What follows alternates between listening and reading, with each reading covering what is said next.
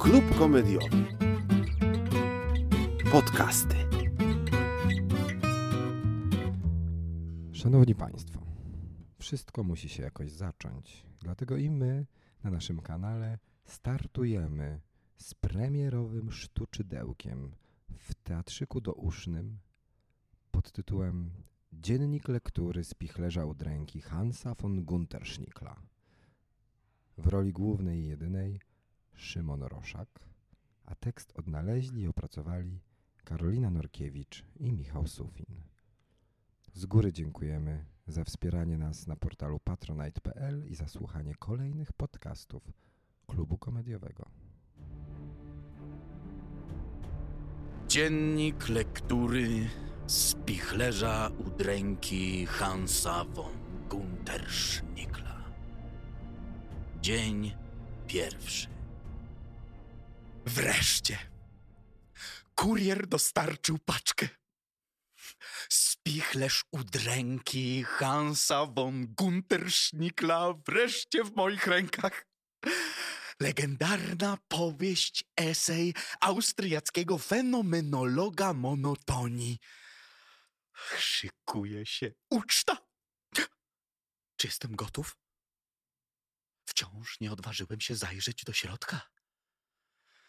Wydawca zachwala jako olśniewający popis niemrawości. Szczególnie cieszę się na opisy zbóż. Dzień drugi. Przedmowa. Lekka, nawet frywolna. Tłumaczka wylicza apteki, z których korzystała pracując nad przekładem. Lista przypadłości boleśnie dowcipna. Przezabawna wzmianka o obrzękach. Rozsmakowuje się w blisko brzmiących słowach bąbel i konkol. Bąbel, konkol. Bąbel, konkol, bąbel, konkol, bąbel, konkol. Pyszne. Zerkam w spis treści.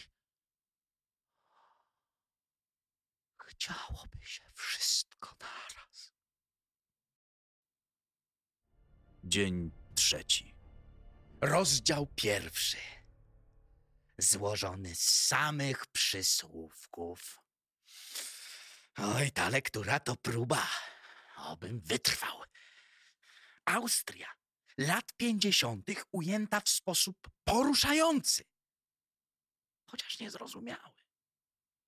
Fragment niechybnie, katorżniczo, górzyście wprawił mnie w przygnębienie i wywołał lekki refluks. Na razie nie obserwuję u siebie objawów niechęci do otoczenia, którą opisywali inni czytelnicy. Tymczasem dzwoni Ewelina. Pyta, czy pójdę na ramen. Ja pytam, czy wegański. Wegański. Mimo wszystko odmawiam. Dzień czwarty. Strona dwudziesta siódma pojawia się. Protagonista Ule. Przywiózł owiec. Po dwóch akapitach wychodzi, by na razie nie powrócić. Próbuje nic sobie nie obiecywać. Dzień piąty. Po porywający dialog w trzecim rozdziale. Student ekonomii i pinczer tyrolski Otto, chyba nawiązanie do Bismarcka, prowadzą debatę. Dużo onomatopei, ale stosowanych precyzyjnie. Pies wygrywa, lecz nie wydaje się tym cieszyć. Mam wrażenie, że wielu aluzji nie rozumiem.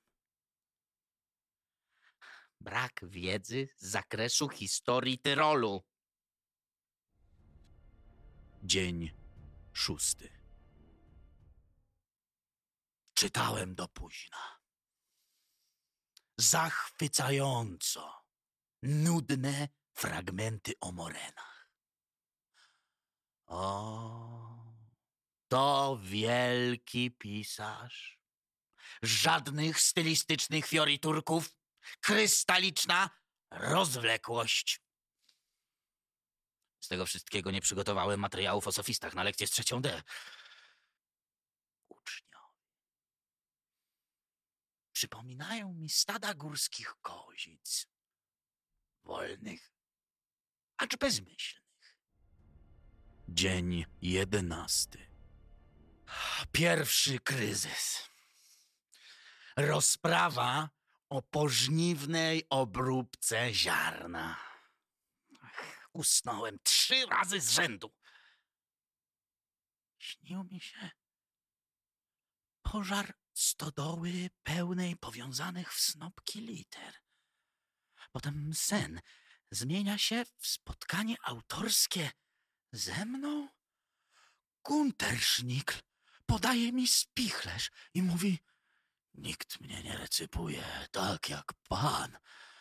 Wpisuje się w jego książce z dopiskiem dla Hansa. Rano Ewelina pyta, czy pójdę z nią na nowego Smarzowskiego. Nie odpisuję. Już sama propozycja mnie irytuje. Nie do końca wiem czemu. Dzień czternasty. Strona 75. Wydaje się nie mieć końca. Czytam ją już tydzień. O, Gunter jesteś mętnym demiurgiem, którego myśli wydają się być fanaberiami bez treści. Wychodzę z domu. Wracam. Z torbami pełnymi zakupów. A nie pamiętam, żebym zachodził do sklepu. Ze sobą mam kilogram kaszy pęczak, dwa kilo szymanowskiej i ryżu, opakowanie amarantusu. Samo sypkie. A co to w ogóle jest amarantus? Dzień piętnasty.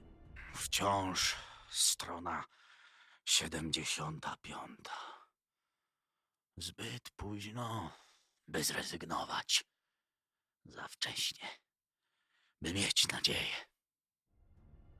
Dzień dziewiętnasty. Nie zasnę, Hans. Słyszysz mnie? Nie zasnę! Nie zasnę! Dzień dziewiętnasty. Dopisek wieczorny. Zasnąłem.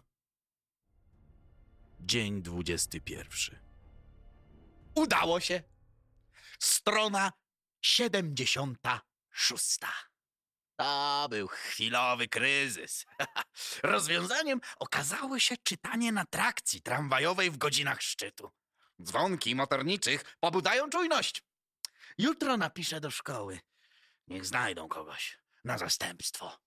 Ja muszę skupić się na lekturze. Dzień dwudziesty drugi. Wracam do opisu wstępnego czyszczenia zboża. Okazuje się, że droga prowadząca ziarno do pożądanej wilgotności i czystości jest kluczowa dla zrozumienia stanów emocjonalnych bohaterów powieści.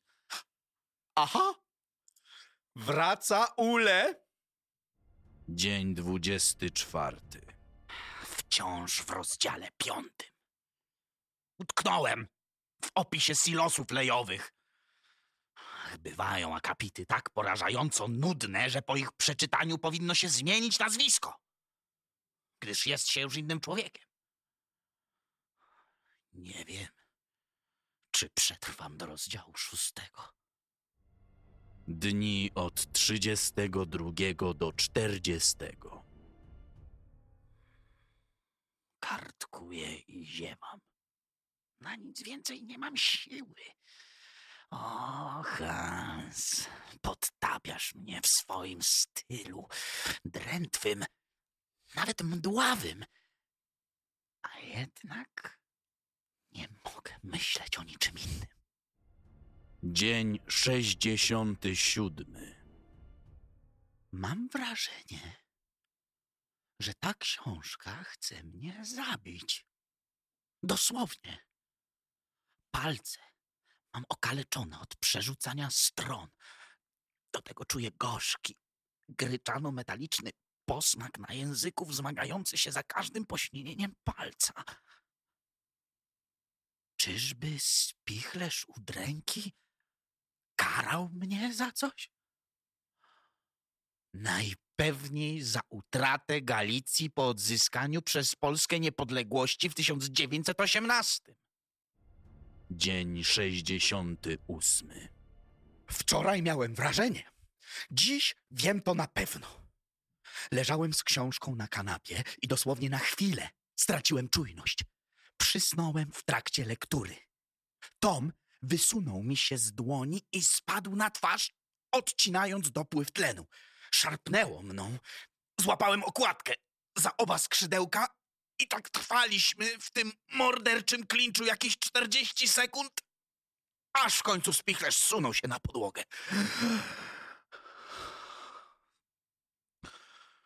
Tym razem się udało. Ale przede mną jeszcze 480 stron. 480 stron. Boję się o swoje życie. Dzień 68. Dopisek wieczorny. W odwecie podkreślam wszystkie błędy korektorskie. Długopisem Dzień 82. słabnę. Sił starcza mi już tylko na czytanie czasowników. Jako tako nadążyć za akcją.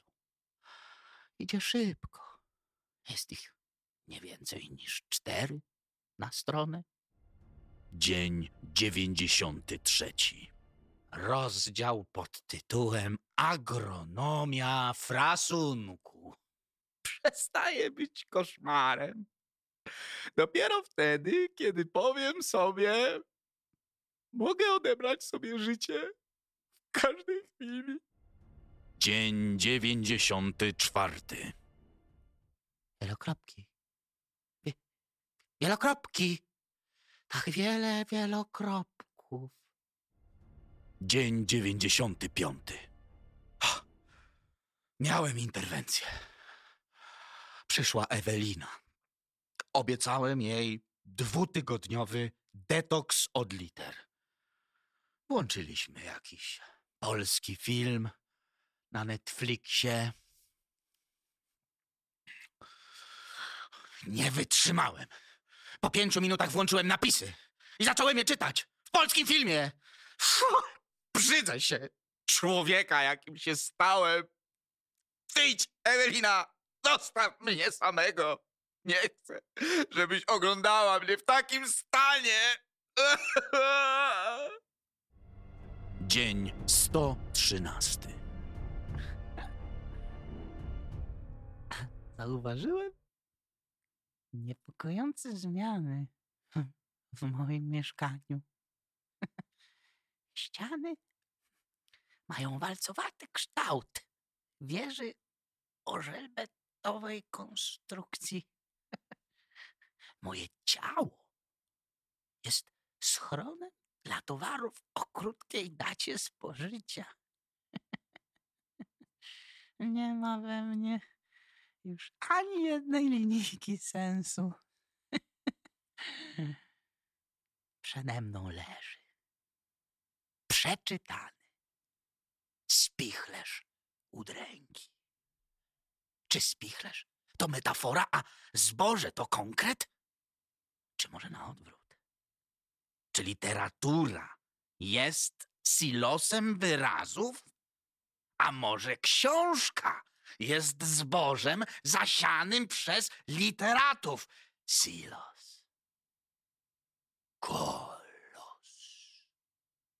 Logos. Silos. Das Silo. Bin ich ein Silo? Cogito ergo sum silos.